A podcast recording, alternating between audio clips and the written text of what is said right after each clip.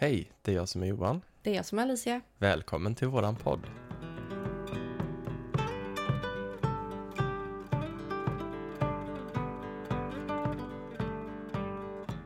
Du Alicia, Mm. jag har tänkt på det här med din häxkurs, Ja. Calling of the Coven. Calling of the Coven. Det är ju inte alls långt kvar nu. Nej, första oktober drar vi igång. Ja, Och det är så kul med alla som bokar nu. det är jätteroligt. Jätteroligt. Och jag har ju inte varit med alls i den här eh, uppbyggnaden av den här kursen, så jag, jag vill ju också veta lite. Ja, du får också det- gå och bli en häxa. Jag får gå lite vid sidan av.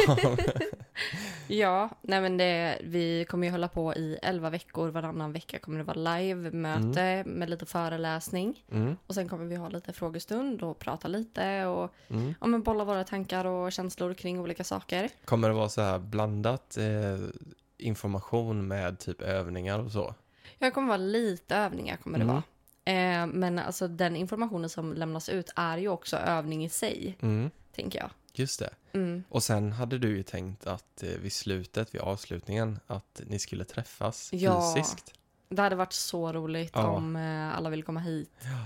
ha lite ritual Ja. och göra lite spell jars har jag tänkt. Mm.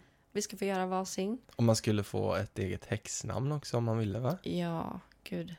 Och man får ett intyg på att man har gått kursen också, Ja. såklart. Men eh, vi har ju som sagt live varannan vecka med föreläsning. Mm. Eh, och varannan vecka så kommer det komma också, de, de veckorna vi inte har live, Mm. så kommer det komma inlägg och pdf-er. Så att Just det det. är väldigt, väldigt mycket information. Mm. Eh, och det finns ju inga krav att man ska klara av det här. Nej, och inga- allting är ju på distans. Just det, så det, det är inga liksom prov eller sådär? Nej, nej, nej, Nej, utan det är bara, Informativt, så Ja. man går en, en kurs ja, helt enkelt. man gör det i sin takt. Ja. Ja. Men Jag vill bara sprida information eh, Mm. och sprida kunskapen för att det finns så mycket kunskap där ute. Ja, visst gör det. Och det finns ju inte sådär jättemånga kurser i häxkonst, vad jag har sett. Jag har inte sett, jag har sett en Ja. tror jag. Eh, och jag tror att den inte är eh, ledd utan det är man laddar ner. För visst är det så att eh, många häxor, eller som man är intresserad av häxkonst, att man söker väldigt mycket på egen hand. Och det är väldigt bra att göra Mm. också. Självklart. Eh, det var ju så jag började. Mm. Men eh, sen har jag hittat väldigt mycket vad som är inte rätt och fel. Mm. Men du fattar. Jag förstår. Ja, Men alltså det blir lite som, du kallar ju det här för en coven, alltså det är ju typ som en cirkel. det är en häxcirkel. Ja, där man det. träffas och man eh, delar information med varandra också, så liksom det Mm. blir ett utbyte på ett annat sätt. Ja, och det här är ju en, ehm, en online-coven kan man ju säga. Ja, Och att man blir en del i en gemenskap. ja. Det låter lite sektigt nu hörde jag när jag pratade om det. Men det är inte en sekt. Ehm, Jag tycker det är ett jättekul koncept. det, jag tycker också det. Och Ja. just att jag inte har sett det här någon annanstans gör ju Mm. att jag verkligen vill, jag vill skapa det här. Mm. Och det har jag funderat på sedan vi började Familjens spök. Mm. Men nu var det dags. Och det har ju funnits en efterfrågan också. Det har ju varit jättemånga Och som har jättemånga frågat frågor om om det. häxkonst. Mm. Eh, Så att det ska bli superroligt att dra igång. Ja, men då tänkte vi med detta avsnittet att vi ska göra, eh, ge en liten inblick i vad det skulle kunna vara som ingår. Och det här såg jag ju nu, för nu jag uppe min eh, sammanställning här av varje Mm. vecka. Det här är en halv eh, föreläsning, Oj. Ja, ungefär. så det, är- ja, det är Ja. ganska omfattande. Ja, det är det. eh, men jag tycker att det ska bli jätte, jättekul att Mm. bara få köra igång det här. Mm. Men idag ska vi prata om ritualer, Just det. Ja. Och även typ redskap. redskap och altare. Mm. För att det känner jag är en väldigt bra del att ha Mm. eh, i grunden. Mm. Och eh, vi har pratat lite om så här beskydd och sådana saker, men det kommer vi också ta upp lite nu. Mm. Ehm, och vi kommer ta upp också eh, redskap och altare. Mm. Och det är ju väldigt, allt det här är ju väldigt centralt inom häxkonsten. Mm. Det är väl det första folk tänker på när man säger häxa, Ja. ritualer, ja. Magi. Man ser ett altare framför sig. Man ser någon som gör någon eh, besvärjelse eller så. Ja. Okej, men jag tänker lite på det här med ritualer. Det låter ju så himla laddat liksom. Ja, En del tänker ju säkert att eh, man ska offra någonting eller eh, ja, att det är lite läskigt så. ja. Men i grund och botten så en ritual är ju inte så, det är ju inget konstigt egentligen. Alla, Nej, alltså det är bara att ha en get och skära av halsen och sånt. Nej, jag skojar. Nej, jag skojar. Nej, det är verkligen inte svårt. Alltså ritualer har vi ju liksom varje dag. Alltså jag menar Mm. om man gör saker i en viss ordning. Det är ju där som är en ritual Mm. egentligen. Som jag har min morgonrutin kan man ju Mm. kalla det. ja, Men det är också morgonritual. ja, Att jag, nej men jag går upp, jag borstar tänderna, tvättar ansiktet, tar på mig smink. Och så, alltså så här, man har ju en viss rutin. mm. Och man gör det i en viss ordning för att du kan ju inte liksom eh, jag tänker med sminket, du måste göra det i en viss ordning för att Ja. det ska bli ett eh, bra resultat av det. Exakt. Och på samma sätt så är det ju med ja, magi, magiska ritualer. Ja, skillnaden på det här med att man gör någonting i en fastställd ordning Mm, eh, och en ritual, det är ju att man har en magisk, ett magiskt syfte mm, eller en intention med sin eh, ritual. mm, Och alltså, man ska ju aldrig genomföra en magisk ritual om man inte har ett klart syfte. Eh, och det kan ju vara så här, ja men har man inget syfte med ritualen så finns det ju ingen anledning att göra den egentligen. nej. Eller hur? Oftast är det ju någonting man vill uppnå, eller jag tänker manifestera typ. Då gör man ju olika typer av ritualer kanske utan att man tänker att det är en ritual egentligen. Exakt. Nej, men en sak som jag bara tänker på det är så här. Många gör magiska ritualer bara för att man ska göra det. Eller Ja. alla andra gör så. Då blir ju syftet fel, Ehm, eller hur? Ja, har man inget mål med den utan att man bara gör den. Mm. Alltså, jag kan ju bara säga en varning att magi är ju inte att leka med. Så att det känns så onödigt att ta den risken. Mm. Och om man gör en magisk ritual till exempel utan att lägga beskydd först. Mm. Och sen har man inget klart syfte med det. Mm. Det, blir, eh, det kan bli fel. Ja, och en annan sak. Många tror säkert att häxkonst är liksom svart magi. Mm. Det måste vi slå hål på direkt. finns ingen svart, finns ingen Nej. vit. Det finns onda avsikter och goda avsikter Mm. och vi pysslar inte med onda avsikter. Vi skadar Mm. aldrig någon. Nej, och det finns ju de säkert som har hört talas om då att eh, det är någon som har gjort någon, vad säger man, curse, Förbannelse på förbannelse någon. på någon, Mm. eller så här.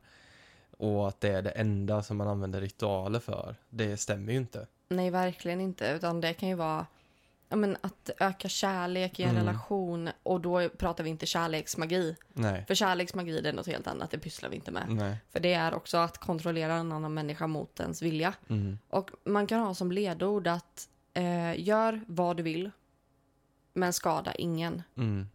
Just det. Mm. Och jag tänker också, det, det är väl någon sån här lag med va? att det man sänder ut får man tillbaka gånger tre typ. Ja. Ja, så det kan man ju tänka på. Ja, men jag tänker också även i så här vardagen. Mm. Har man en negativ inställning till människor, ja men det är klart människor kommer ha en negativ inställning till dig. Mm. Det är ju manifestation egentligen. Ja, manifestationslagen typ. Mm. Det appliceras ju i ja, häxkonst. Exakt. Mm.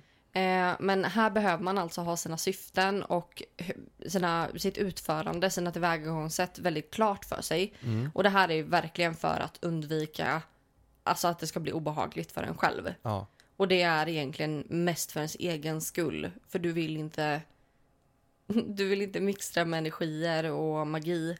Eh, för magi är ju läran om energi Mm. egentligen. Mm. Eh, och hur vi kan böja energin till våran egen fördel. Mm. Eh, utan att skada någon då såklart.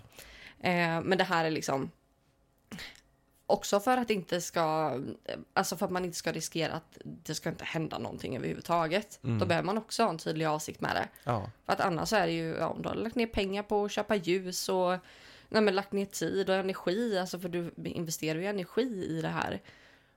Och så händer det inte ett smack. Nej.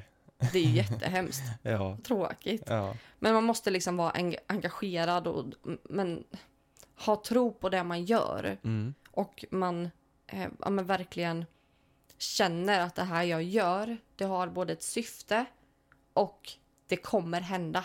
Mm. Jag tror på att det här funkar. Mm. Ja, man måste För ha att det en, gör det. en jag övertygelse liksom. Jag har ju ett exempel här nu Mm. då. Som hände bara nu här, igår. Ja. I förrgår. Ja. Ehm, I våras så hittade vi kantareller. ja, Ja, det var ju... på ett ställe. Och det var egentligen för tidigt för kantareller. Mm. Eh, så vi hittade kanske fyra stycken typ ish. Men vi såg att det var en liten koncentrerad plätt liksom. Ja, det var ett litet kluster. Ja. Och det var de enda kantarellerna vi hade hittat och som vi skulle hitta Mm. ehm, den gången. Men jag lämnade en eh, guldpeng. Mm. Det är ju en femma nu, är ju guldig. Mm. Så jag la en femkrona där. Vet ni vad som hände i förrgår? Vi gick tillbaka till den här platsen för vi har inte varit där på hela sommaren. Och jag har hela tiden känt så här, vi måste gå och kolla nu, vi måste Och gå jag och bara, kolla. nej det är inte dags än. Nej, det är inte dags än. Men eh, för två dagar sedan, då var det dags. Jag bara, nu går vi dit och kollar. Mm. Och vad hade hänt? Alltså det var ju helt guldigt av kantareller när vi kom dit. Jag har aldrig sett Runt min peng. Ja, jag har aldrig sett så mycket kantareller hela mitt liv på ett Mm. och samma ställe.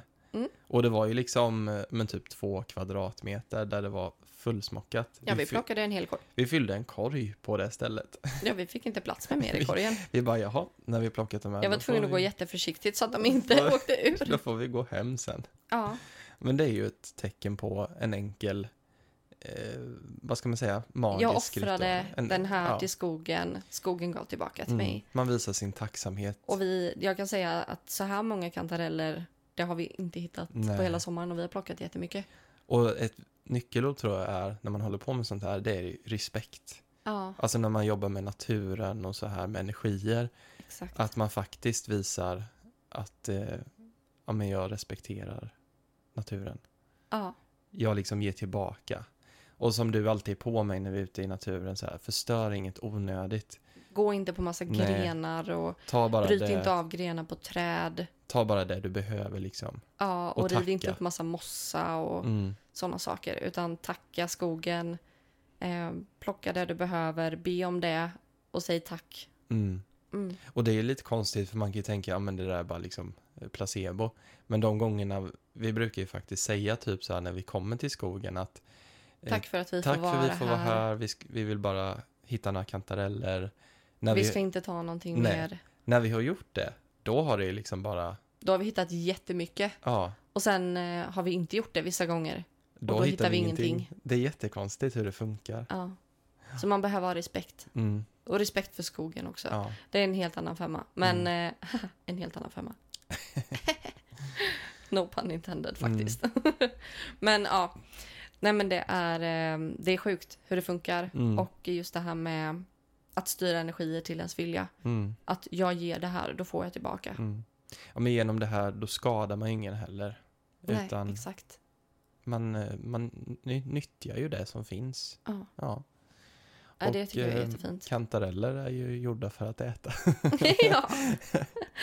Men det är jättefint. Ja, Jag ska lägga upp den här eh, videon som jag Ja, tog på det här stället i storyn. Ja. Härligt. Det ska jag göra. Men sen är det ju det här med, jag ser det här vikten av att skriva allting själv. Ja. Vill du prata lite om det? ja, och det är ju... Alltså, du måste ju alltid utforma ritualen så att den passar just dig. Mm. Eh, så kan man inte det, då ska man inte heller genomföra den. Man ska inte copy-pasta av någon annan typ då? Nej, gör inte det. För du ska göra det som passar dig. För det finns så många tutorials på att så här gör du den här. Nej, du ska utforma den själv. Mm. Gör det som känns bäst för dig, för det är det som kommer funka. Annars Ja. kommer det tyvärr inte funka. Jag tänker ofta vill ju vi människor ha en quick fix. Ja, Alltså vi vill ju ha ett färdigt ett recept. recept, ja.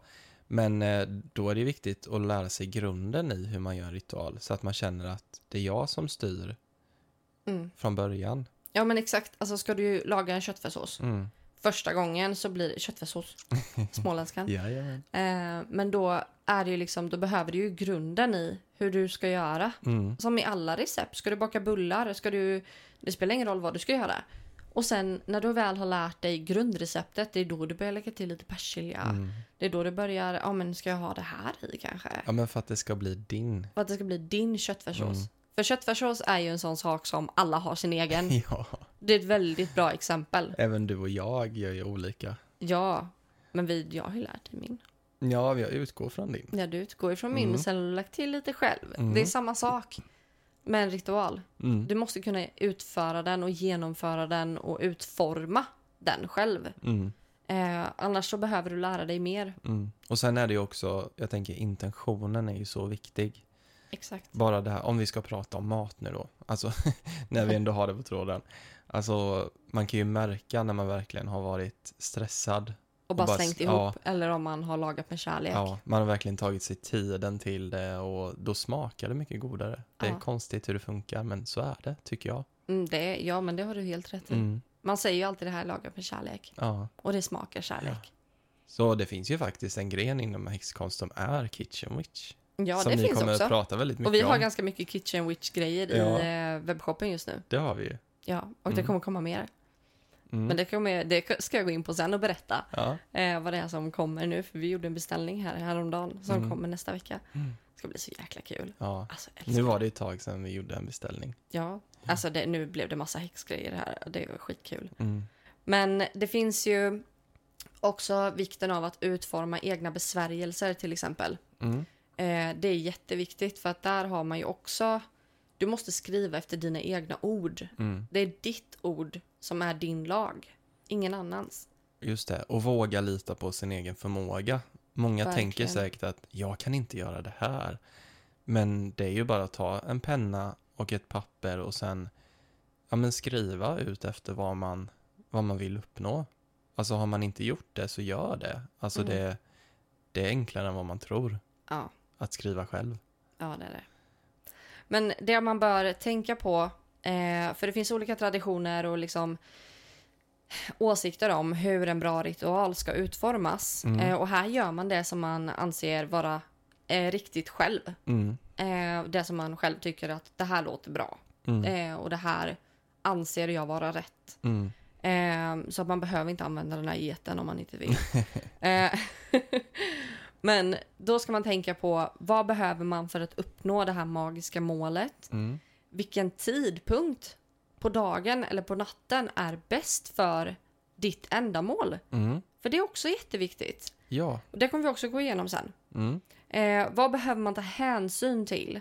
Och hur ska man liksom utforma den här ritualen? Du behöver sitta ner i lugn och ro och du behöver ha, ta den tiden det tar. Alltså jag har utformat ritualer eh, alltså som har tagit kanske tre, fyra dagar att utforma. Mm. Och verkligen så här för att det ska bli så bra som möjligt. Så vet man att jag vill göra en fullmåneritual och den vill jag ska vara avancerad. Börja tre, fyra dagar innan fullmånen så att du har den klar för dig och så att du kan läsa igenom den. Mm. Så att du inte blir hackig när du väl utför den sen. Mm. Eh, så att du verkligen får ett flyt i den. Ehm, och det kan vara att man behöver göra en ritual flera gånger för att den verkligen ska fastna. Mm. Så öva på att göra ritualen också. Inte gör den, utan öva på den, läs igenom. Mm. Kanske olika ramsor som du ska säga eller olika besvärjelser som du ska säga under tiden. Och att du eh, övar på att säga dem högt. Mm. Ja, men det är, det är viktigt med förberedelserna. Det är jätteviktigt att förbereda sig ordentligt. Jag tänker som eh, om du bara ska ut och bestiga något berg. Alltså, Ja. du ger dig ju inte ut i eh, shorts och sneakers. Nej, Utan du inte. måste ju ha säkerhetsutrustning och du måste kolla så att du har med dig allting. Ja, exakt. Men sen behöver man också träna sig på multitasking och att göra flera saker samtidigt. Liksom. Mm. Eh, och samtidigt behålla fokuset och ditt engagemang. Hela din själ ska ligga i det. Liksom. Mm. Ehm, men alltså den kan ju, en ritual kan ju innebära att man både visualiserar samtidigt som man gör saker, alltså fysiska saker. Som man målar upp en cirkel till exempel. Då kanske man eh, pratar samtidigt som man ritar upp cirkeln. Mm. Eh, och då kan det ju vara bra om man...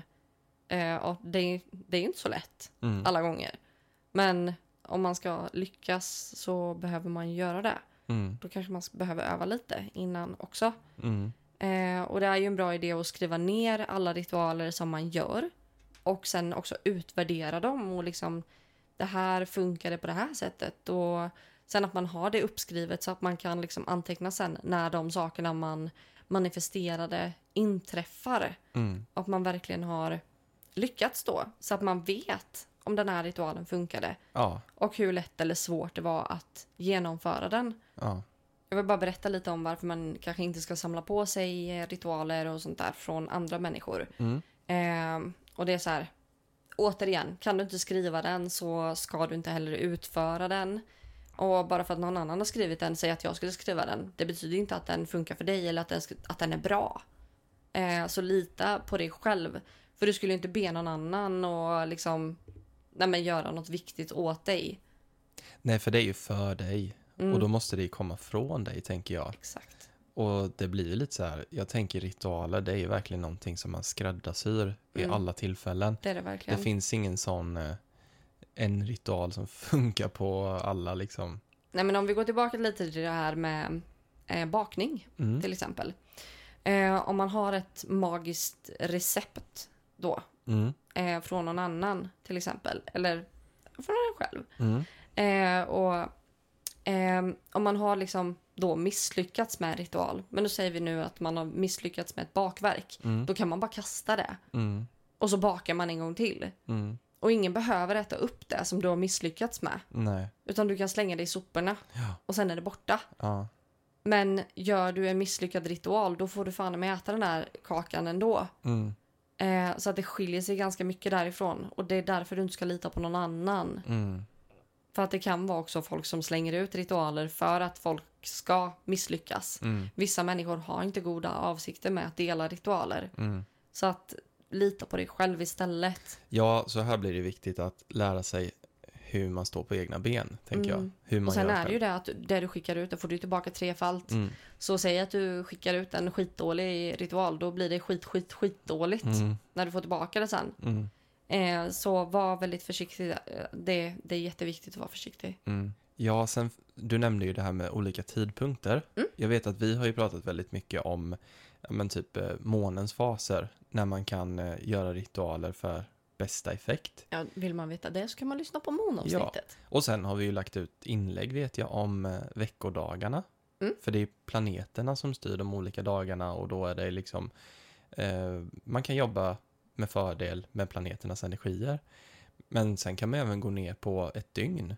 Alltså det finns Ja. olika energier i ett dygn som är liksom fördelaktiga Ja, att jobba med. och häxkonst är ju ganska så specifikt. Mm. Det funkar självklart att göra dem på när som helst på dagen eller på Mm. kvällen eller på natten. Men det får som mest effekt om man gör det vid en viss tidpunkt. Mm. Och eh, jag tänkte gå igenom det. Det är ju väldigt spännande tycker jag. Ja, för natt står ju till exempel för alltså att man eh, manifesterar att man eh, eh, vad säger man uppfinner saker eller att man eh, får till sig saker. Hur ska man säga? Ja, nej men att Du förstår vad jag menar va? Jag förstår, och där har jag faktiskt en, eh, det trillar ner på lätt för mig nu. För jag har ju upplevt ibland att de bästa idéerna, de kommer ju till en på natten när man inte kan sova. Exakt. Det har ju du också upplevt. Och jag minns en gång när jag höll på att typ skriva en tenta på högskolan. Jag hade en sån, vad säger man, writers block Ja. under hela dagen. Jag var skitstressad, skulle typ lämna in den dagen efter. Men jag liksom kom inte på någonting att skriva. Så låg jag där på natten och kunde inte sova. Och sen så bara var det som en flod kom över mig. Bara, Mm. det är det här jag ska skriva. Så jag bara, jag måste gå upp nu. Klockan var typ två på natten. Mm. Skriver inte jag det här nu så kommer jag tappa det. Mm. Så jag gick upp, satte mig vid min laptop och sen så fick jag typ två sidor. Det, Ja. Alltså det bara kom. ja, för natten är ju liksom inventing, Mm. skapande, tänker jag. Ja. Ja. Och sen midnatt, där har vi ju det som är lite mer känt som banishing. Mm. Att Ehm. förvisa något. Exakt. Eh, att man, ja, man förvisar någonting från sitt liv. Att man Mm. är bestämd i att det här får inte finnas i mitt liv längre. Mm. Inte att jag vill ha bort det här, som man kan skriva vid typ en Mm. fullmåneritual. Att det här finns inte längre i mitt liv. Utan det här är mer så här, jag förvisar det här från mitt liv. Mm. Det här får inte finnas i mitt liv längre. Nej. Säg att man har en dålig relation som vi pratade om eh, narcissistisk föräldrar Mm. där eh, för, för förra avsnittet. För. Mm. Och där tänker jag att eh, där hade man kunnat göra en sån sak. Eller en cord cutting spell till Mm. exempel. Eh, finns jättemycket där. Men soluppgång, det här är ju ny början såklart. Mm. Ny början på en dag, det är lätt att hänga upp det på. Mm. Och här är det ju nystarter. Här finns det liksom, jag vill börja med det här, jag vill börja med det här. Det här kommer komma in i mitt liv. Mm. Ehm, dagtiden, alltså på mitt på dagen. Mm. Ganska lång Ehm, tid. jag tänker förmiddag till liksom eh, lunch någon Mm. gång. Tills, ja, från, fr- från förmiddag tills det att solen står som högst Mm. egentligen. För det är solen vi jobbar med. Mm. Eh, och månen här då. Eh, de stora eh, himlakropparna. Mm. Så, eh, så den eh, är ju från, för då växer ju solen. Mm. Kan man ju också tänka. Då Mm. växer ju solen. Så det här står för expansion. Det står för, att, för tillväxt. Mm. Eh, så här får man saker att växa. Sen så får man ju under när solen står som högst då. Eh, och det här brukar man säga midday, Just det. eh, mitten på dagen. Eh, då är det ju liksom kraft. En väldigt kraftfull energi. Då är det jättemycket kraft. Så Mm. här kan man attrahera egen kraft. Eh, man kan sätta in kraft i ett projekt till exempel.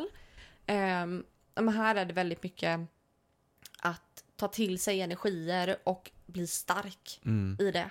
Säg att jag har ett projekt ehm, som jag har just nu då. Det är häxkursen till exempel. Vill jag ge den här kursen mer kraft, då gör jag det mitt på dagen. Jag tänker, funkar det även typ om man vill ladda något föremål? Alltså med den typen av kraft? Absolut, Mm. det kan man göra. Ja, men på samma sätt som man kan ladda ett projekt så kan man självklart ladda ett föremål. Mm. Absolut. Vi kommer prata lite mer om det snart. Ja. Mm. Eh, men sen så har vi ju solnedgången då. Mm. Eh, och här är det sökande eh, av sanning. Mm. Och just när solen går ner, det är då på dagen som hinnan mellan världarna är som tunnast. Mm. Det är här mystiken finns. Och eh, det är där man kan hitta eh, det inre. Eh, man kan meditera i solnedgång. För då får man till sig väldigt mycket. Man hittar ett annat djup i sig själv. Och man hittar ett djup i andevärlden. Man hittar ett djup, lättare kontakt med guider. Mm. Eh, massa sådana saker. Det här har jag ju testat utan att veta då att det skulle vara just för sökande av sanning. Ja, Men att meditera i solnedgången, det, det är kraftfullt. det är det. Och just det här med sökande efter sanning, det sker inte ut, utom dig. Det sker inom dig. Exakt. Man ska aldrig leta efter svaren i den yttre världen. Ja, men precis. Nej, det är sant. Så att det här är lite om när man kan göra olika eh, spells eller ritualer Mm. eh, under dagen och under natten. Eh, så då, då vet ni det.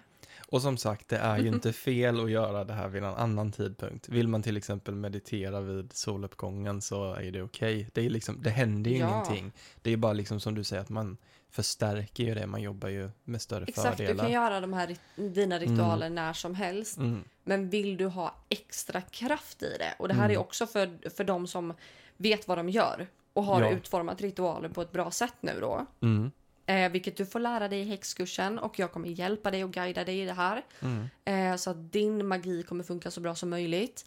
Eh, så vill du ha hjälp, återigen, gå in och kolla på häxkursen. Ja. Eh, och den är, den är jävligt billig just nu.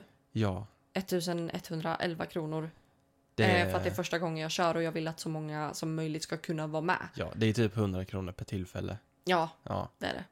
Nej men det, det, det är helt sjukt. Och här kommer jag verkligen hjälpa till att så här, visa hur gör jag det här? Hur utformar man den här? Jag kommer gå in mycket mer i djupet. Som sagt, det här är en halv föreläsning och vi kommer säkert prata i över en timme idag. Mm. Ja, och jag tänker det är ju, det är ju helt fritt att eh, under kursen, eh, att om man har egna erfarenheter, det är inte så Ja. att, att du eh, Vet, bättre allt, än någon eller- annan. Nej, inte utan det alls här så. är en nybörjarkurs Ja. för de som verkligen vill lära sig grunderna ordentligt. ja, och jag tänker är det någon som redan Är kan häxa. en del är häxa så är Ja. ju det fritt fram också. Ja men det är det som jag tycker är så kul om vi hade fått med personer som också redan är häxor. Ja. För att kunna bolla mer, för att det blir mer eh, Ja, men då blir det ju- dela lärdom. ja, det är det det som ett- är en coven. Ja, blir det ett utbyte liksom. Exakt. Där alla ska kunna växa så mycket tillsammans som möjligt. Ja men exakt, jag kanske lär mig nya saker. Det gör jag Ja. hela tiden. Gud ja. Jättekul. Ja, men vi har ju också redskap och hjälpmedel här nu. Mm. Och sen så kommer vi gå in på eh, rening och invigning och laddning av föremål. Mm. Eh, och vi kommer även prata lite om altare här. Eh, men jag tänker att jag börjar med redskap och hjälpmedel. Mm. För då har vi ju olika redskap. Eh, vi har kvasten, vi har klädsel, vi har kornhatt, vi har amuletter, talismaner, drömfångare, vindspel, vi har hur man gör sina egna redskap. Jag kommer spara hur man gör sina egna till Mm. häxkursen. Så vill du veta det så kan du bara gå in där. Så det här med en kvast och en konhatt, det är ingen nidbild av en häxa liksom? Det är det inte. Det finns ett magiskt syfte med Mm. allt. Mm. Eh, som kvasten. Ja. Mm. Nej, men det är bara en häxa ska ju åka på en kvast. Ja, fine. Du kanske kan åka till Blåkulla på din kvast, men jag kan inte göra det. Jag kan inte flyga iväg i alla fall. Det kanske hör till med eh, Quidditch, Harry Potter. Ja, men lite så. Eh, utan kvasten är ju ett magiskt redskap för rengöring. Mm. Skräll. Ja, eller hur? Det är ju det man använder Ja. en kvast till. Exakt. Man renar ju. Man men här handlar det om att sopa bort energier istället för smuts. Mm. Så. Mm. Och här kommer vi ju faktiskt också få in altarkvastar nu. Mm.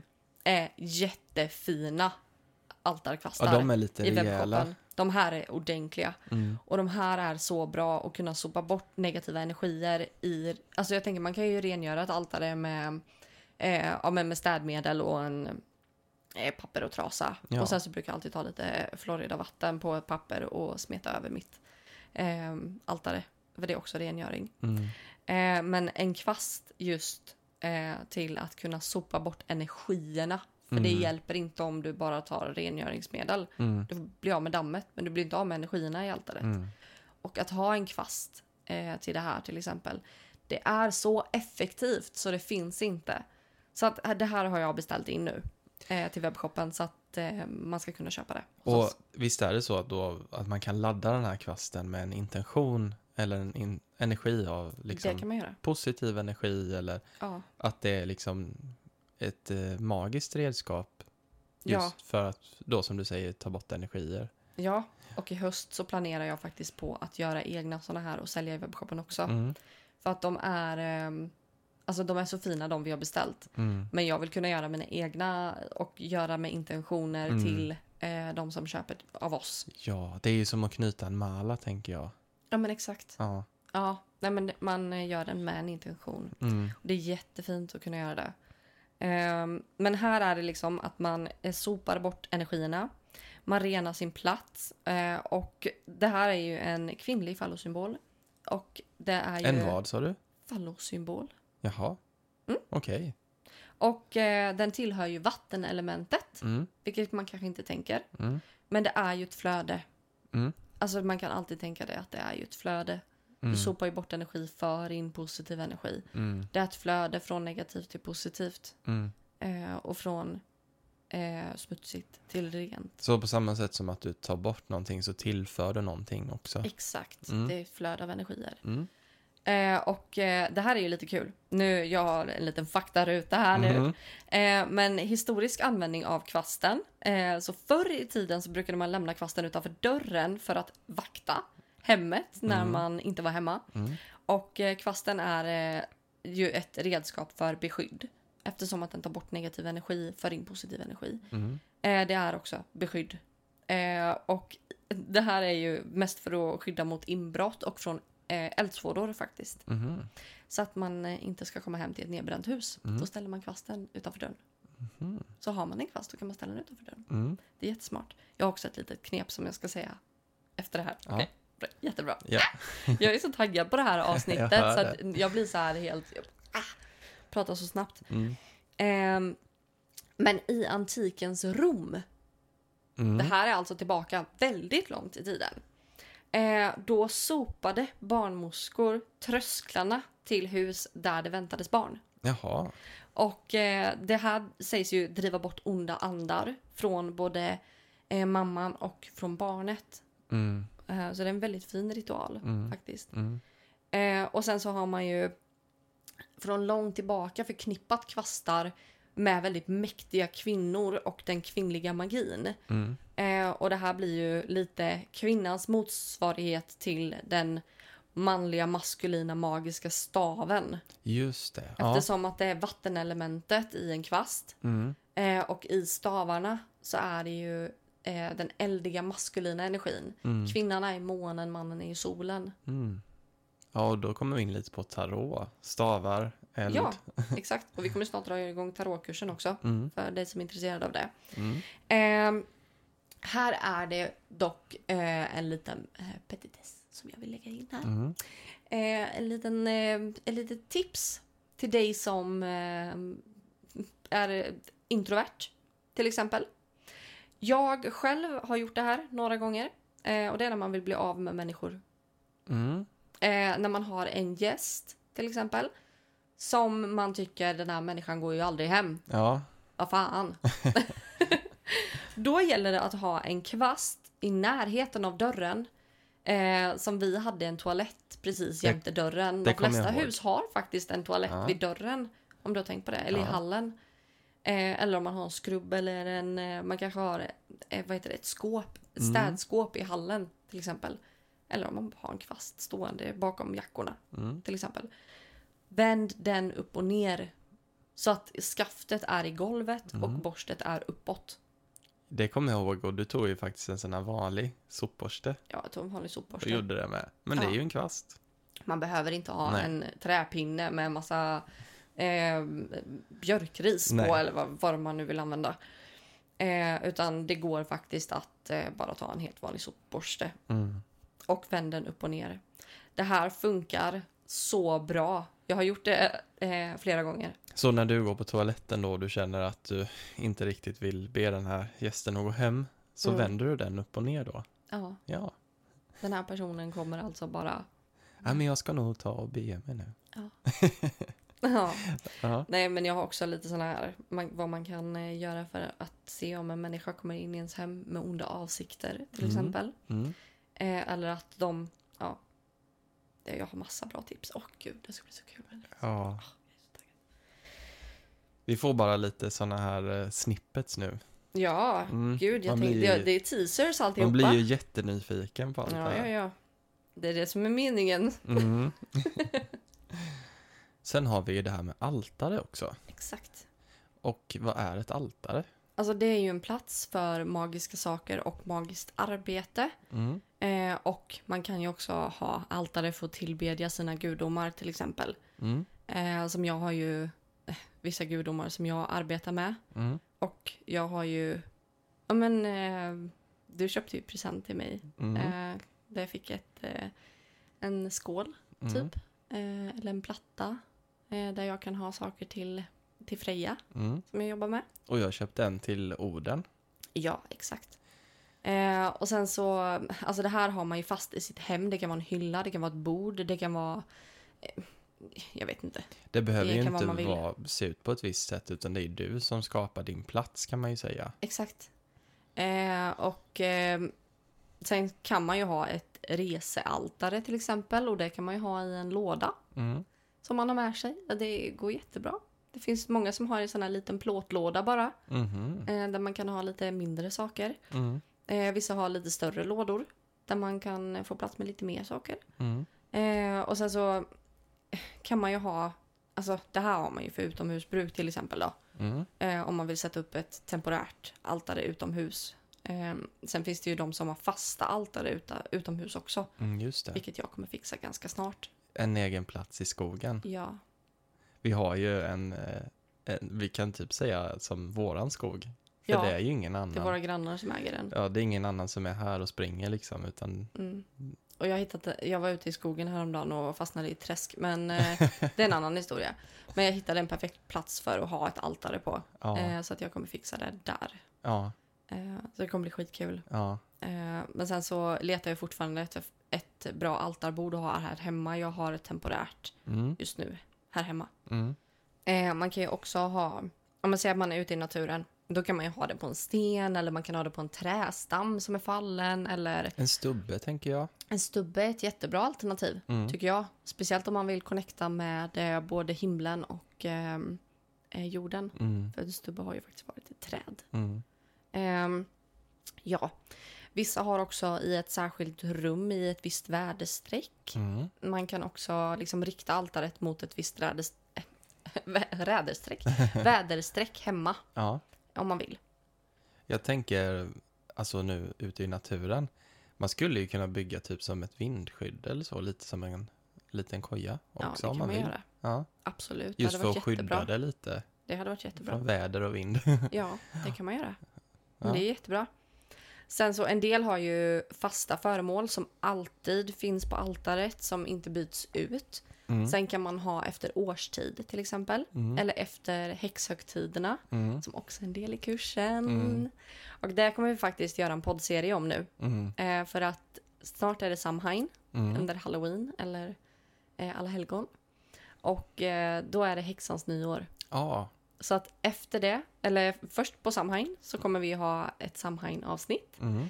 Och sen så under det, kom, det, gå- det gång, gångna året, det kommande. det kommande året, så kommer vi att släppa eh, häxhögtiderna när de är. Så att man kan eh, haka på om man vill. Så kul. Det är jättekul. Hur många är det? Vet du det i huvudet? Jag har inte det i huvudet, Nej. men det är en hel del. Är det ungefär lika många som typ midsommar, Ja, det är det nog. jul? Ja, det är ju sommarsolstånd, vintersolstånd, det är eh, ja, våren, det är vintern, det är hösten. Och... Bygger inte våra högtider lite på det?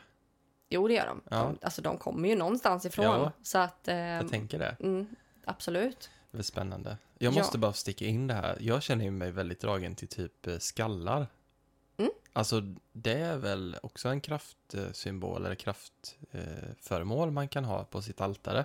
Ja, absolut. För varje gång jag varit ute i naturen och sett en skalle så har jag tänkt så här, den hade ju varit så kul att rengöra. Jag och... hittade ju faktiskt två stycken nu när jag var ute Mm. på min eh, svampplockartur helt själv. Mm. Eh, och fastnade i träsk. Eh, och precis jämte det här träsket så låg det två skallar Mm. från vildsvin. Mm. Eh, och eh, det är ju faktiskt också en eh, nordisk eh, mytologisk sak. Ja, och visst är det så att olika djur har ju olika eh, krafter eller betydelser. Absolut. Så vildsvin till exempel kan jag tänka mig står väldigt mycket för kanske styrka. Alltså det är ju ett väldigt eh, drivet djur om man Mm. säger så. Ja. Och eh, väldigt så här framåt så. Mm. Absolut. Så vi har ju en eller två vildsvinsskallar som vi har tittat ut. Ja, Som vi ska hämta. rengöra. Nu kommer Mm. folk tro att vi är helt knäppa i huvudet. Bara, ja vi ska rengöra två skallar. Ja. Men det är väldigt vanligt faktiskt. Mm. Eh, det är fler än vad man tror som har eh, djur eh, på sina altare. ja, men typ rådjursskallar har ju sett där hornen sitter fast. Och... Ja, det kan man använda. Ja. Alltså, det finns jättemycket man kan göra. Mm. Och jag såg någon eh, på Instagram, nu kommer jag inte ihåg vem det var, men hon hade gjort smycken av eh, rådjurs, eller om det var älg, eh, Ben. naturligt fällda såklart, Mm. ja, av horn. Jaha, horn. Jag har faktiskt eh, renörhängen Mhm. som jag fick av, eh, jag kommer inte ihåg vem det var, Mm. Någon julafton. Tror jag fick det. Och när jag gick i träslöjden så var jag faktiskt, när man fick göra sin kniv, då var jag den enda som använde halva delen som jag gjorde av horn. Ja, handtaget. Ja, Ah. och det tänkte jag kan ju vara, om man nu ska Här göra kommer vi faktiskt in vi på, in på det. Eh, lite kniv Ja, eh, som är speciellt ritualknivar. mm. Eh, men altare, det gör man också väldigt mycket som man känner. Eh, man ska dock visa respekt för ett altare. Som med allt inom häxkonst, det handlar om respekt. Mm. Eh, och man ska rengöra det regelbundet. Det är ingenting man sätter upp eh, för skojs skull. Utan det är någonting som man använder eh, helst varje dag. Mm. Och som man visar respekt för. Och att man till exempel har man saker till gudar, då dammar man av de sakerna. Man håller dem rena fräscha och man renar dem emellanåt och gör dem fina. Mm. Eh, det, är, det är respekt och för, också för det här att energierna ska flöda ordentligt och för att man ska få de energierna man vill. För man vill inte göra en gud pistoff liksom. Mm. Just det. Makes sense, tänker jag. Mm. Men då har vi Atame eller Atame Mm. eh, och krafthand. Det är samma sak egentligen. Men en Atame är en eh, tveeggad rituell kniv. Så Mm. då kan man tänka som en vanlig dolk egentligen. Ja, just. Eh, med dubbelägg, alltså på båda sidorna. Mm. Eh, en symmetrisk kniv. Mm. Eh, och eh, den här har ofta ett svart handtag, Mm. ett mörkt handtag. Eh, och med den här så kan man hämta, rikta och styra energier och den kan till exempel användas när man ja, men, inviger redskap eller när man eh, slår eller skapar en cirkel Mm. eh, som man har tänkt att använda i ritual då. Mm. Eh, en magisk cirkel. Mm. Eh, och vissa använder krafthand istället då. Man Mm. behöver inte ha en kniv om man inte vill det. Eh, och det här bör ju vara ens dominanta hand, Mm. eh, som jag är högerhänt, då gör jag cirkeln med min högerhand, för jag har ingen atame just nu. Mm. Eh, jag ska definitivt införskaffa mig en. Mm. Ehm, så då kan man ehm, göra cirkeln med den istället. Ehm, och eh, en atame eller atame eh, tillhör ju luftelementet. Ehm, sen så finns det ju, ja förlåt, Ja, den ska man inte skära saker med. Nej. Typ skära örter och så. Nej, det finns Nej. ju en annan kniv till det såklart. Jaha. Och här har vi en bolin. Mhm. Och eh, uttalet tveksamt, men Mhm. eh, jag, jag säger bolin. Det är din tolkning. Det är min tolkning av det. Mm. Eh, och det här är, eh, till skillnad från atamen då, Mm. en kniv som används för att skära saker med, Mm. som du säger. Exempelvis örter. Mm. Eh, och det kan vara frukt, det kan vara bröd. Eh, andra saker som man vill använda i, sitt magiska arbete. Mm. Eh, det kan ju vara grönsaker eller vad man, vad man nu känner man vill. Eh, blommor Ja. kan man ju skära, snitta blommorna med den Mm. här kniven. Många använder faktiskt blommor efter säsong Ja. eh, för att hedra vissa gudar, för att få in vissa energier. Det gör ganska stor skillnad faktiskt, bara Mm. blommor. Mm. Det, det tänker man ju inte att det är ett sånt enkelt magiskt redskap. Nej. Men som när man har fått eh, rosor av sin partner, då känner man ju lite mer kärlek kanske.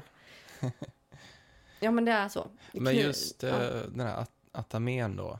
Eh, den du är menar mer... Bolin? Ja, nej, jag vill gå tillbaka Ja, till den. ja. Den är mer ceremoniell då. Alltså som man... Äggen används inte. Nej, man skär ingenting med Nej. den. Eh, men eh, alltså, som, också som vi sa, att amen har ju en, eh, ett svart skaft. Mm, mm. Ett handtag som är svart. Och eh, en bolin har ofta ett vitt. Ja, ja. Eh, och den här använder man ju också rituellt såklart. Mm. Man kan ju göra ritual där man skär örter och gör, säg att man gör en egen rökelse, då kanske man har torkat örterna innan. Och sen så kanske man vill hacka upp dem. Då använder man, alltså i ritualen, man vill göra allting eh, inom cirkeln. Mm. Eh, så att allting har samma energi, allting hänger ihop. Då kan man ju använda eh, bolin i, i ritualen också, Mm. såklart. Mm. Så det är också jätteintressant. Mm. Och här kommer vi till en till sak som jag har beställt in till webbshoppen. Ja.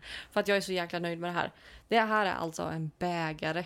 Mm. Och det är ju någonting som man eh, också använder eh, på sitt altare. Mm. Och den här kan man ju ha i ritualsyfte också. Att dricka till exempel vin ur. Mm. Eh, alkoholfritt. För att jag dricker inte. Det behöver ju inte vara alkohol. Man behöver inte ha Nej. alkohol. Eh, men det här är ju självklart vattenelementet. Precis Ja. som i tarot så står ju eh, svärd för luft. Eh, bägare står ju för vatten. Mm. Eh, och eh, man kan ju ha vatten i bägaren också såklart. Typ eh, månvatten. Månvatten är jättebra. Mm. Eh, och bägaren tillhör ju även väderstrecket söder. Mm. Eh, om man inte har en bägare så kan man använda sig av ett annat eh, kärl eller så kan man köpa en i vår webbshop. Mm. Det kommer Fan vad jag gör reklam idag känner jag. Men det är bra. Eh, och eh, alltså man kan ju använda, som vi har använt en guld, det är ju en bägare i och för sig. Mm. Mm. Men man kan ju använda en kopp som är lite finare, en mugg. Mm. Eh, man kan använda ett glas som är Ett väldigt fint, ett vinglas till exempel. Kristallglas typ. Kristallglas går jättebra. Mm. Så det finns mycket man kan, eh, man kan använda Mm. så.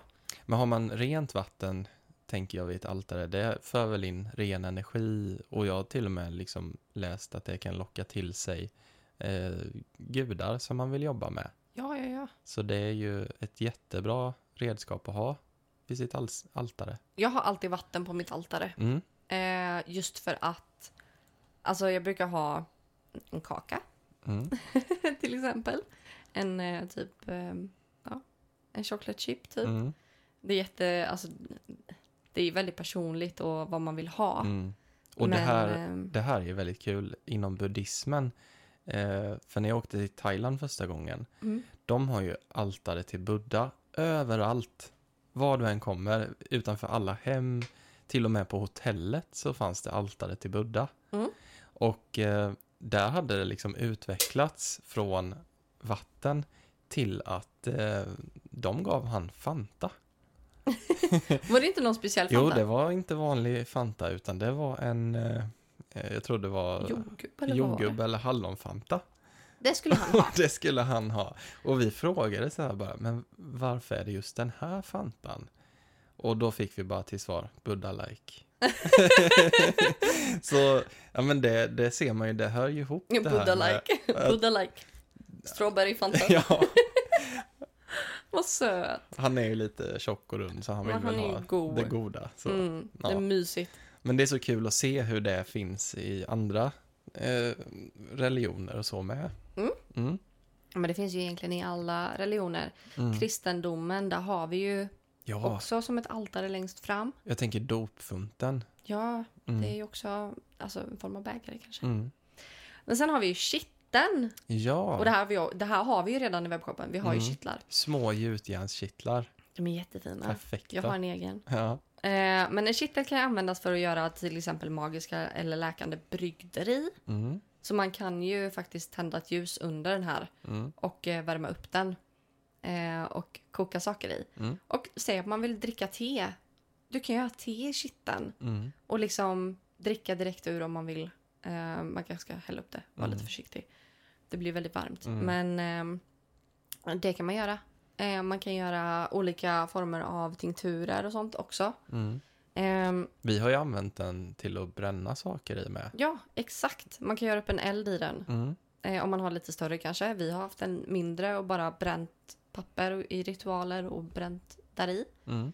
Eh, och en del använder dem som en vas och dekorerar sitt altare med. Mm. Och ehm, men där tänker jag, har man en kittel man kan ha blommor i till exempel. Ja, man kan fylla den med jord och plantera något i. Det kan man göra om man vill. Mm. Eh, och eh, kitteln tillhör ju självklart elementet eld. Ja. Ja. Så då får man in alla elementen på sitt altare, Mm, kan man säga. det, ja, Så nu har vi vatten, eld och luft, det är jord som saknas. jord som saknas. Men där tänker jag också man kan göra blommor till exempel. Ja. Eh, sen har vi rökelse. Det är jättebra. Mm. Och det här används ju också vid ritualer för att eh, det kan också förstärka eh, koncentrationen Mm. hos en själv. Mm. Att när man känner en viss doft så har man en... Eh, ja, men att det blir lättare att hålla fokus liksom. Och det använder ju du hela tiden när du jobbar medialt. Ja, tarot, medialt, Mm. vägledningar, allt, allt, allt. Mm. Alltid rökelse. Jag tänker rökelser är väl lite det första man tänker på när det kommer till just eh, ja, ritualer och andlighet i hemmet och så. Mm. Och jag har ju också rökelser och faktiskt värmeljus som är dedikerade till vissa gudar. Mm.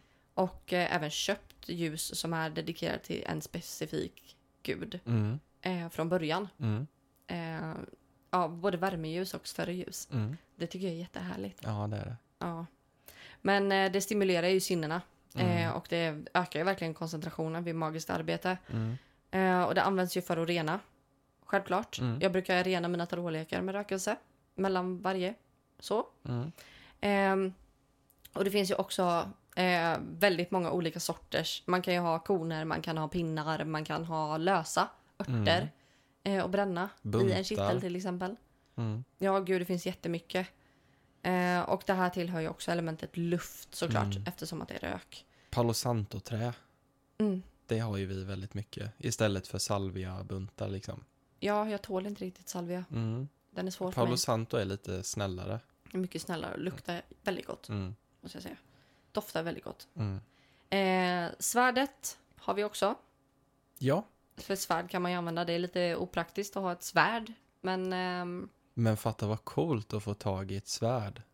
Alltså jag tänker typ på en loppis eller att du någonting. kanske tycker att det är jättecoolt. jag tycker att en atame räcker. Ja. För det är samma sak som Ja. en atame. Ja. Egentligen. Eh, och eh, är man i en grupp till exempel så kan det här användas som ett eh, redskap till energier eh, istället för en atame. Då Mm. blir det lite större. Mm. Eh, och det här tillhör ju också eh, elementet luft. Och jag glömde säga det innan, men det tillhör ju öster. Mm. Väderstrecket öster.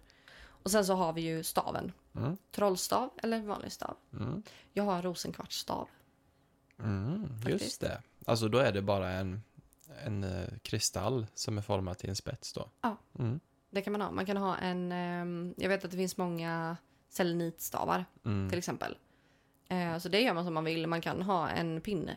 Vi köpte ju in eh, två stycken sådana här bergskristallstavar. Vi har ju en Ja, kvar. det.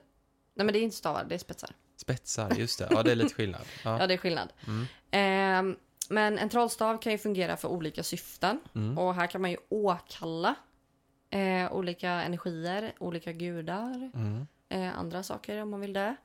Eh, och man kan ju också markera och rita upp en magiska cirkel med den här, Mm. eh, såklart. Man behöver inte ha allt, Nej. eh, behöver man inte. Utan mycket går ju eh, att använda till Mm. mycket. Jo, jag tänker med fördel så kan man ju faktiskt skapa sin egen stav. Ja, absolut. Och då är det ju en fördel om man har en spets längst fram. Det kan man ha. Man kan binda fast en kristallspets Ja. om man vill det. Mm. Eh, och det går jätteenkelt att göra, så Mm. det är inga problem. Man kan också rita symboler till exempel Mm. med en stav. Eh, och den här tillhör ju elementet eld och luft. Eftersom att det är den manliga staven sa vi ju. Ja. Det var ju den maskulina, den gudomliga maskulina energin i Mm. en stav. Mm. Motsvarigheten till kvasten. Exakt. Ja.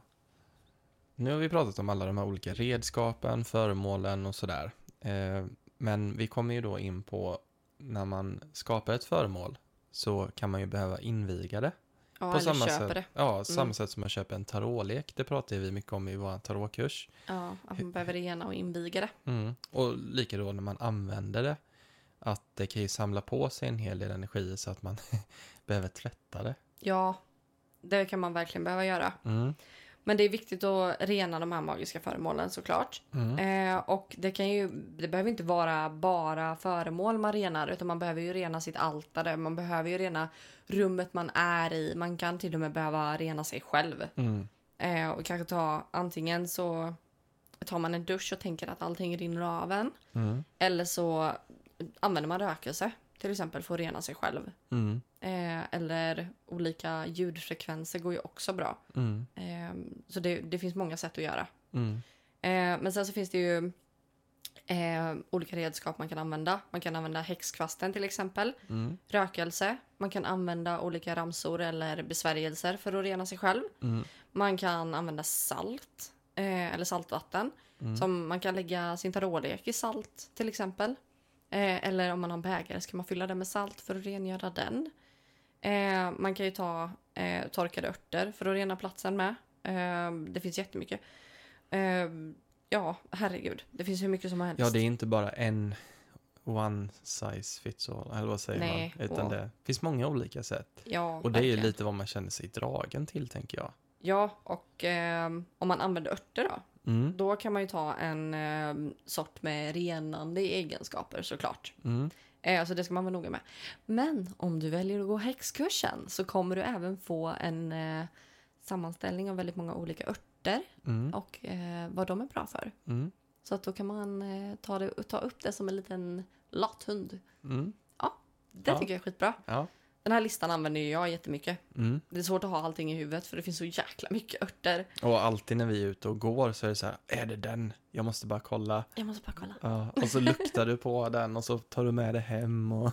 Ja, kolla i min örtbok. Ja. Ja, gud ja. Det finns så mycket, alltså så mycket örter. Mm. Men eh, från rökelse till exempel så kan man ju svepa det i luften runt den magiska platsen. Eh, salt kan man ju strö över saker. Mm. Eh, lägga saker i salt. Man kan eh, skvätta salt om man vill det. Saltvatten då kanske? Ja, det kan man göra. Mm. Eh, men eh, en annan sak är också att man kan lägga salt eh, i sin tröskel. Mm. Ofta så har man som en glipa Ja, i tröskeln utanför eller innanför sin ytterdörr. det vet jag att du gjorde i vår lägenhet när vi Ja. hade lite andeaktivitet. Ja, Mm. det är jättebra beskydd. Mm. Eh, och eh, en ramsa kan fungera jättebra. Som ett komplement, tänker jag. Förstärka liksom. Ja, och den Mm. kan man ju självklart skriva själv. Knåpa ihop ja. Ja. Eh, och föremål bör man ju typ rena och återinviga då och då. Och då kan man ju också använda rök från örter eller rökelse till exempel. Mm. Eh, man kan lägga ett föremål i salt eller i saltvatten som jag sa innan. Eh, om det tål salt eller saltvatten. Som en tarotlek är inte så jättebra att stoppa i vatten till Nej. exempel. Vissa kristaller tål inte vatten, vissa tål inte salt. Mm. Så det ska man också kolla upp innan. Bara Mm. en liten, så att ni vet. Man kan också använda atamen till exempel, eller atamen, Mm. rena med. Intentionerna där är ju viktiga också. Ja, för att med, med atamen, atamen eller atamen, där em, styr man ju energier, den hämtar ju energier, så då kan man ju suga upp energier i atamen. Mm. Eh, så det finns jättemånga olika eh, bra sätt att göra det på. Mm. Och sen självklart, som man renar kristaller i eh, månljuset så kan man ju Ja. göra samma sak med de här föremålen. Ja, ja, fullmånen är ju perfekt. Ja, ja, ja. Gud ja. Och sen kan man ju rena sig själv då. Ja. Eh, och det kan ju vara bra att göra en rening på sig själv innan man gör en ritual. Mm. Ehm, och alltså passa på när du ändå duschar. Mm. Det är det Det smidigaste. behöver inte vara svårare än så. Mm, Eller man kan ju ta en Paolo Santo-pinne och föra ja, runt sin kropp. ja. Sen är det en bra grej att vara nyduschad när man gör en ritual. Mm. För att det för in färsk, fräsch energi. Mm. Eh, så det är också bra. Mm. Jag tänkte jag skulle ta ett exempel på hur man kan rena. Eh, och till exempel en kristallkula. Och det är ju någonting man tänker är liksom så centralt för spådom och häxkonst. Ja. Och det här kan man ju använda i en ritual Mm. såklart. Ehm, och här kan man ju använda, i vid den här reningen, då kan man ju använda cirkel om man vill det. Mm. Eh, och här kan man lyfta upp kristallkulan, hålla den mellan dina händer, eller vilket föremål den är. Mm. Eh, visualisera och känna din personliga energi strömma från händerna in i kulan. Eh, och här är det liksom tills det känns färdigt. Det finns ingen viss tid du ska göra det här. Utan det är tills du känner att det känns Mm. färdigt bara. Då, det, då sätter du din personliga energi i den. Eh, och därefter så kan man sätta ner den framför sig och hålla händerna en bit ifrån den. Mm. Och sen så kan man ju liksom se hur ett osynligt band stärks mellan kulan och dina händer. Mm. Då kopplar du dig själv. Ni har kontakt liksom. Ehm, och sen kan du visualisera hur en, ett energiflöde löper mellan kristall, kristallkulan och ditt tredje öga. När du håller händerna runt kristallkulan och du känner den här energin. Mm. Då föreställer du dig som en, ehm, nu visar jag för dig här med mina händer. Ja. Men som en energistråle som går fram till ditt tredje öga och in i det. Ehm, och här ser man liksom hur, alltså du ska visualisera hur kristallkulan kommer att samarbeta med dig. Mm. Ehm, och sen kommer du liksom kunna göra eh, övningar eller spå Mm. helt enkelt. Här är också ett tips om man inte har en kristallkula eller en spåkula. Det går lika bra att använda en spegel. Mm. Man kan ha en spegel som man häller vatten på. Man kan använda en vattenyta, en blank vattenyta. Mm. Eh, det finns så många sätt att göra det på. Ja, kallas inte det för scrying? Nu kan jag inte det svenska ordet. Eh, men det handlar ju om, Skådning. ja, skådning, just det. Mm. Att kunna se. Mm. Exakt. Sen kan man ju ladda föremål. Mm. Och det här är ju också någonting man bör göra i det magiska arbetet. Mm. Och eh, här laddar man ju det med särskilda energier eller egenskaper. Man laddar ju det med en intention. Eh, och man kan använda eh, med det här som ett hjälpmedel. Liksom, för att uppnå sina magiska mål så använder man, för man ju in energin. Om man ska använda föremålet som ett Mm. hjälpmedel. Det var så jag menar. Och det, gör, det är ungefär samma sak som man gör när man programmer, programmerar kristaller Ja, till olika. Eh, och programmerar man inte sina kristaller så bör man ju börja göra det. ja man, så vill att de ju, får effekt. man vill ju ha dem för ett visst syfte. Ja, exakt. Och även för att en kristall står för en viss egenskap så måste man ändå programmera den, tänker jag. Mm, Liksom säga till kristallen vad du vill att den ska göra för dig. exakt. Inte bara passivt låta den vara. Nej, utan det är ju bra idé att Mm. eh, programmera den. Och jag vet när vi eh, pratar om tarotlekar, eh, du kan ju programmera den till exempel att jag önskar att eh, ehm, min intuition stärks i samarbetet med dig, kan man ju säga till sin tarotlek. Eller att bara eh, den högsta sanningen får komma igenom, alltså lite så, Mm, vad man önskar få ut av när man lägger tarot. exakt, man ber den om någonting. Mm. Eller man kör in en energi i den liksom. Mm. Men eh, när man använder liksom ordet programmera, då, gör, då det gäller ju kristaller. Mm. Ehm, och här handlar det mer om att ge den en uppgift eh, till, alltså till kristallen. Eh, men de är ju lättare eh, att ladda. Alltså kristaller är lättare att ladda för de har redan en viss energi. Mm. Och andra föremål kanske är lite svårare. Eh, och här behöver man ju För att man överför ju särskilda egenskaper till, den här, till det här föremålet. Mm. Till exempel en bägare. Mm. Den har ju inte ett syfte förrän du ger den ett syfte. En kristall har redan en egenskap. Ja, exakt. Så det är lite mer, krävs mer energi för att ladda ett föremål än vad det gör att ladda en kristall. Från början liksom. Eh, så därför kan man använda, jag programmerar en kristall, jag Mm. laddar ett föremål. Man skiljer Ja. på begreppen liksom. Ja, ja. För en kristall är redan laddad, så kan man tänka. Mm, Mm. exakt. Eh, och man kan också jämföra att ladda ett föremål eh, med när man inviger ett föremål. För när man inviger ett föremål då laddar man det med sina personliga energier. Mm. Eh, det är ju också en form av laddning. Mm. Eh, men för att ladda ett föremål så måste man ju hämta energi någonstans ifrån. Mm. Eh, och här kan man ju välja att hämta energi och kraft från sig själv. Man kan hämta från gudomar, man kan hämta från Moder Jord, man kan hämta från, ja egentligen andra eh, ställen. Vad man vill, Mm. eh, vad man tycker passar. Och du laddar föremålet med de energierna som du anser är bäst beroende på vad du ska ha det till i ja, din, din magiska eh, praktik, Ja. liksom, ditt arbete. Mm. Eh, och så vi, vi tar ett exempel då. Mm. Eh, du kanske vill använda ett ljus. Det är väldigt vanligt, tänker Ja, jag. Ja. Som de här små spellcandlesen som vi använder, eller som vi säljer i webbshoppen, som Mm. jag använder jättemycket. Mm. Eh, de kan man ju ladda med en särskild energi inför en ritual. Mm. Eh, och nu låtsas vi att du Johan ska göra en eh, ritual med syfte att främja vänskap Mm. eh, med dina kära vänner. Mm. Du vill bli bättre på att vara en god vän och få in goda vänner. Eh, I den ritualen som du har utformat så ska du tända ett ljus Mm. eh, med vänskapens låga. Mm. Du har redan valt ljuset, du har valt färg på ljuset eh, och du har renat ljuset också. Så nu vill du ladda på det här med energier som främjar vänskap. Mm. Då kan du göra så här. Eh, du har valt att hämta energi från dig själv i det här för att det är kopplat till dig. Mm. Eh, och det är också en sån sak som man kan tänka på att är det här någonting som är kopplat till mig, då hämtar jag energi från mig. Ja. Eh, vill jag ha någonting utifrån mig, eh, då hämtar jag energi kanske någon annanstans ifrån. Mm. Ehm, men det, det gör man som man vill såklart.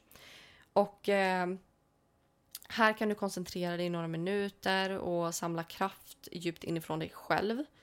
Eh, och här tänker du liksom vänliga, kärleksfulla känslor, du samlar kraft. Eh, och du kan liksom samla känslan av ödmjukhet, förståelse, det kan vara ärlighet och tolerans och ja, många liknande. Men du, ham- du samlar dem djupt inifrån dig själv. Mm. Eh, och sen väljer du vilken sorts energier som du anser ska främja vänskapen. Det är de du hämtar liksom. Mm. Eh, och därefter håller du dina händer ovanför ljuset som nu är släckt. Du ska inte hålla det över ljuset när det är tänt. Aj, aj.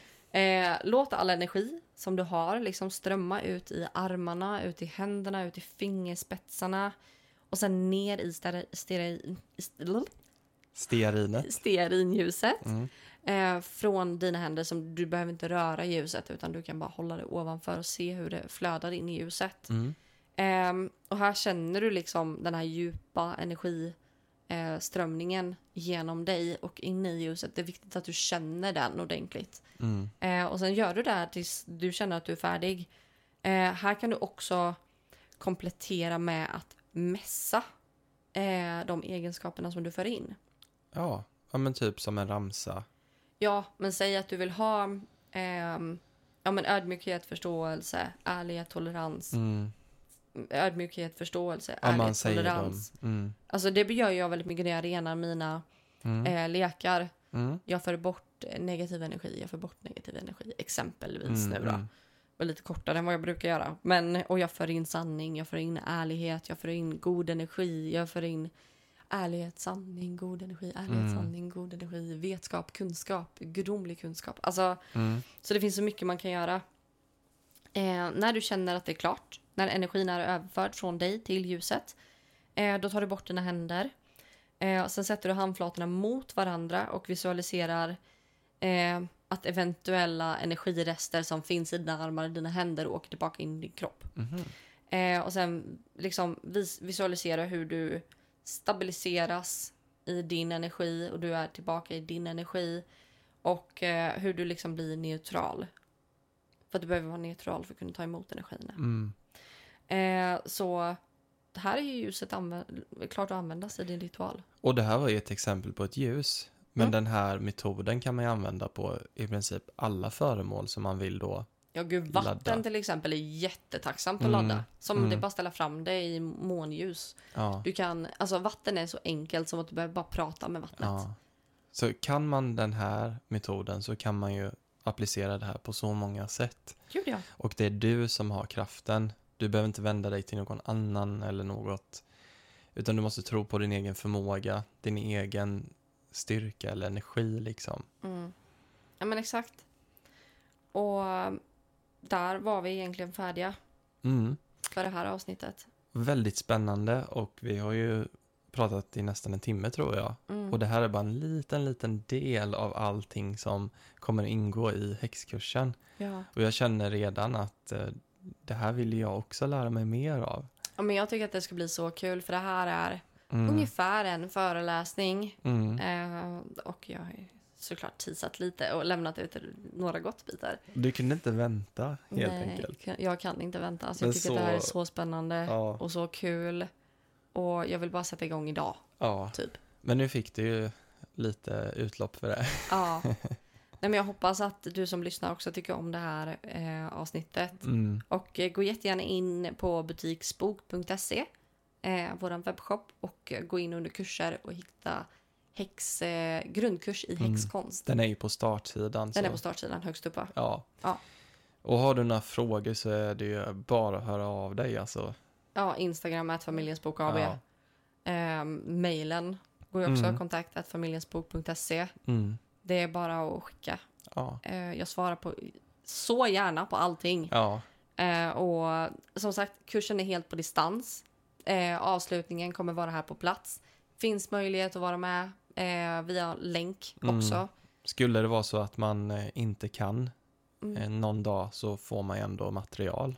Alltså de föreläsningarna som jag har kommer du få pdf på. Mm. Så du kommer aldrig behöva liksom vara orolig för att missa någonting. Och jag tänker, är det Zoom-möte så spelas ju det in så man kan Ja. titta på i efterhand också. Ja, men fördel. självklart ska man ju vara med. Ja, självklart. Så att man, vi kan prata. Då kan man ju ställa frågor. Så. Ja, Mm. gud det är klart.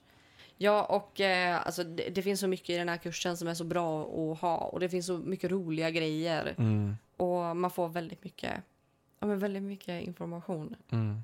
Eh, och varje vecka så kommer det antingen en föreläsning och ett inlägg. Mm. Eller så kommer det en pdf och ett inlägg. Mm. Så att man får väldigt mycket information. Mm. Eh, och den här informationen kan man spara. Jag kommer aldrig ta bort dig från gruppen.